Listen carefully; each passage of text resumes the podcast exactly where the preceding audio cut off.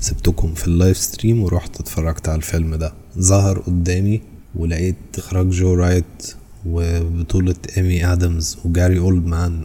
وبعدين بكمل لقيت جوليان مور. إيه يا جدعان في إيه؟ أكيد في موضوع. فقررت إن أتفرج على الفيلم. الفيلم بيبدأ وبيحسسك من أول shots من ال introduction من قبل ال introduction scene حتى. بيحسسك إن أنت داخل في عالم مختلف بالقوانين بتاعته بالحياة بتاعته بكل حاجة بتاعته. فأنت بتتبسط لأن بقالك فترة طويلة بتتفرج على أفلام زي الخرا.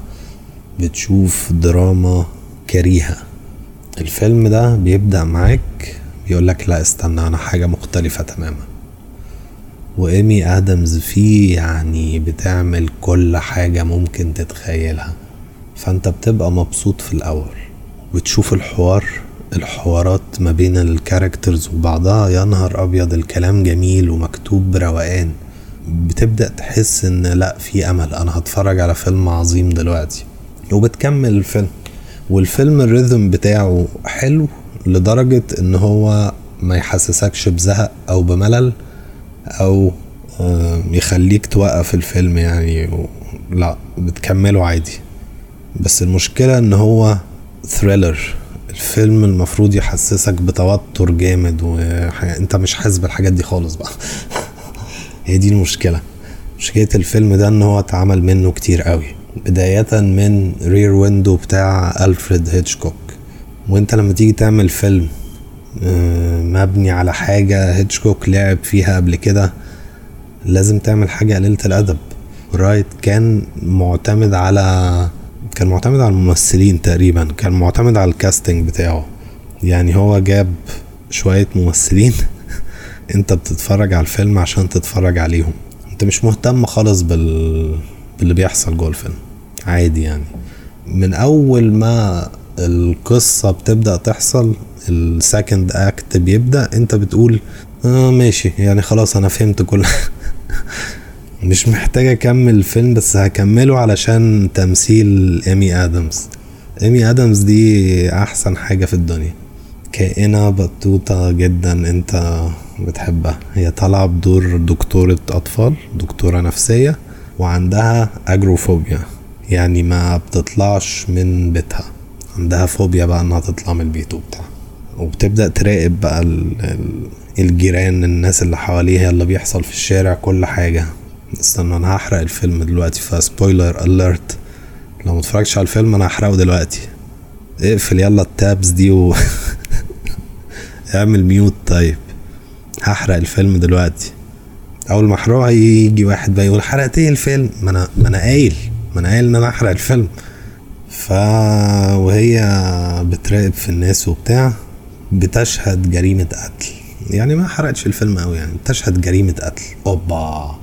انت في دماغك بقى ان هي أصلا مريضة وعمالة بتبلبع في أدوية مع واين كتير. عارف لما تتفرج على فيلم عارف ان هو هيحصل فيه تويستاية.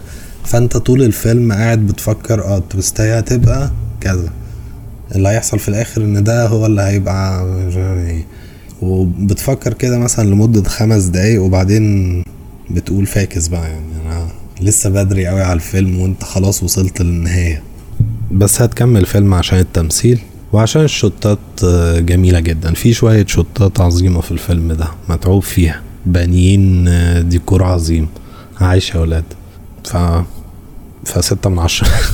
أنا لما دخلت على IMDb لقيته واخد خمسة point eight كان غريب جدا بالنسبة لي إزاي. Amy Adams Gary Oldman فالفيلم ده يعني ستة من عشرة. ستة من عشرة حلوة قوي بالنسبة له. ستة من عشرة بس عشان التمثيل مش عشان حاجة تانية. هو الواد اللي بيقول إن أنا حرقته الفيلم أهو. Anyway شفت أنا بقى إيه؟ ال season التاني من Love Death and Robots يا نهار أبيض. ضرب نار ضرب نار يا ولاد. ال season الأولاني كان عشرة من عشرة.